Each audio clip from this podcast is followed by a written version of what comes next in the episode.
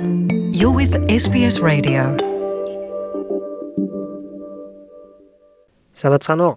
Энэ өдрийн халуун мэндийг монголчууд та бүхэндээ хүргэж байна. 7 өнөөр та бүхэндээ хүргэдэг оршин суух хөтчийн энэ удаагийн хадугаарыг хүрэхэд бэлэн болсон байна. Австрали улсад замын хөдөлгөөний осол гаргавал заавал мэдэгдэх ёстой. Том хэмжээний осол эсвэл жижиг шүргсэн тохиолдолд ч гэсэн замын хөдөлгөөний осолд орсон л бол юу хийх хэрэгтэй талаар нарийн хатууд өрмүүдийг Австрали улсад мөрдөх шаардлагатай.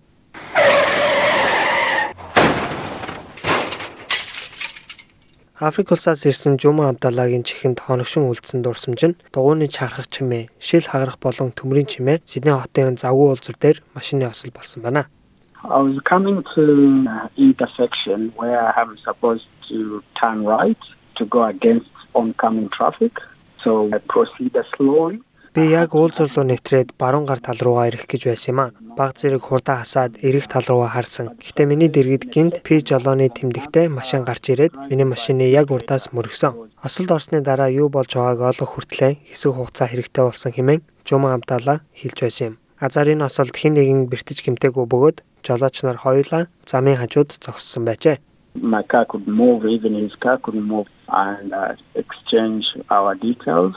Everyone has to call support. Uh, we talking Миний about машин ямар ч хөдлөх боломжгүй болсон байсан. Тэрнээс ч бас бит хоёр мэдээлэлээ солилцсон. Бүгд л тусламж дуудах шаардлагатай болсон. Машин чирэх үйлчлэгээ бас авах шаардлагатай болсон. Жижиг том ялгаагүй замын хөдөлгөөний осол болоход яг эдгээр зүйлүүдийг хийх хэрэгтэй хэмээн New South Wales замын хөдөлгөөний цагдаагийн албаны ерөнхий шинжээч Philip Brooks хэллээ. They need to pull over to the side of the road where it's safe to do so.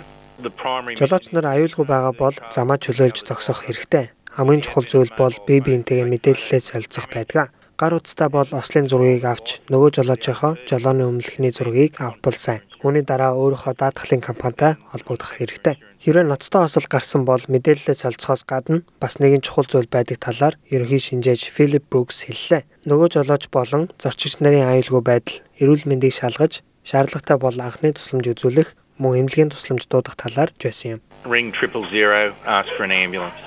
Анхны тусламжтай холбож өгөх талаар тэг тэг тэг гэсэн дугаард залгаж хэлэх хэрэгтэй. Энэ дугаард залгаж цагдаагийн байгууллагыг ч бас дуудаж болно. Цагдаагийн газраас ослыг шинжиж жолооч нараас мэдүүлэг авч шаардлагатай бол саатуулах хэрэгтэй байдаг. Ослын талаар мэдээлэл баримтуудыг осолд хамрагдсан болон харсан хүмүүс мэдэж байх нь даатгал болон гэмтлийн хэмжлэлийн маягтыг бөглөхөд шаардлагатай байдаг. Гэхдээ бүх осол зөрчил өдрийн цагаар болдгоо бөгөөд заримдаа жолооч нар байхгүй байхад тухайн осол гарсан байдаг. Гэхдээ замын хөдөлгөөний дүрмүүд үүнд ч хамааралтай байна. Хятад улсаас Австрали улсад ирсэн Джейсон Лив иймэрхүү осолд хамрагдсан байна. Тухайн нөхцөл байдалд тэрээр Хятад улсынхаа жолооны өмнөхөр жолоодож байсан бөгөөд замын хөдөлгөөний арга барилд хараахан дасаагүй байсан байна. I wanted to um, event and went to reverse parking, and uh, it's a very narrow road. I didn't see the car parked there, and uh, yeah, I hit the car, the uh, right front of the car. Uh, not so serious, but it's damaged. I waited there Би нэг үйл ажиллагаанд оролцохоор очоод аргашаа ухарч зогсоох хөдөлгөөн хийж байсан юм. Маш нарийнхан замаар ухарч байсан. Ардаа байсан машиныг хараагүй ухарсан. Тэр машины баруун урд хэсгийг мөргсөн. Ноцтой байгаагүй ч гэсэн баг зэргийн гэмтэл учруулсан байсан. Тэгээд 4-5 минут жолоочийг хүлээгээд өөрийнхөө мэдээлэл, утасны дугаар, гэрийн хаяг, мөн машиныхаа мэдээллийг бичээд үлдээсэн. Хэдийгээр хин ч юу болсныг хараагүй орой болсон байсан ч гэсэн Джейсон мэдээллээ үлдээхгүйгээр орхиж явах тухай огт бодоогүй байна. If I just went away, it's totally unfair to the other party. Yeah, that's totally unfair. Хэрвээ шууд яваад өгвөл нөгөө жолоочийн хувьд маш муухай сэтгэл үлдээн. Шудраг биш шүү дээ. Шудраг бишээс гадна Австралийн хуулиар өөрийнхөө мэдээллийг үлдээлгүйгээр явсан тохиолдолд эрүүгийн хэрэг үүсгэх нөхцөл бүрддэг хэмээн Philip Brooks санууллаа. Хуулийнхаа үүргийг хэрэгжүүлээгүй тохиолдолд замын хөдөлгөөний хуулийг зөрчсөн ноцтой хэрэг хүлээх болдгоо.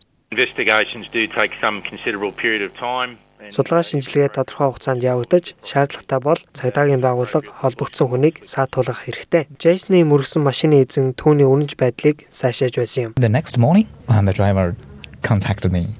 Yeah, he said that could I provide him some information about my car rental company. So I Маргааш нь тухайн жолооч над руу залгасан. Машинаа түрээсэлж авсан газрын мэдээллийг өгөхийг хүссэн. Тэгээд би бүх мэдээллээ цахим шуудангаар явуулсан. Тэгээд тухайн өдөр нь би түрээсэлж авсан байсан машинаа буцаагаад өгсөн. Осол зөрчлийн дараа хийх үйлдэлүүд маш чухал байдаг. Мөн ухаалаг утсанд зориулсан аппликейшнууд юу болсон талаар баримт нотлохоонуудыг цуглуулахад хэрэг болдог. Зарим нь юу юу хийх, ямар мэдээлэл авах талаар зөвлөгөө шат дараалттай байдаг. Хэдийгээр бүх аппликейшнууд үнэгүй байдгүй ч гэсэн байж байхад илүүдэхгүй байдаг. Мөн заримдаа машиндаа үзэг цаас хийгээд мэдээллүүдийг бүртгэж бичиж авч үлдэж болно. Хамгийн чухал нь сонор сэрэмжтэй замын хөдөлгөөндөө дөрмээрээ оролцоорой. Дараагийн дугаараараа та бүхэнтэйгээ дуутахгүй уулзцаая.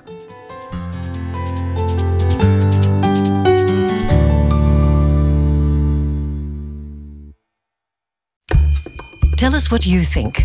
Like us on Facebook or follow us on Twitter.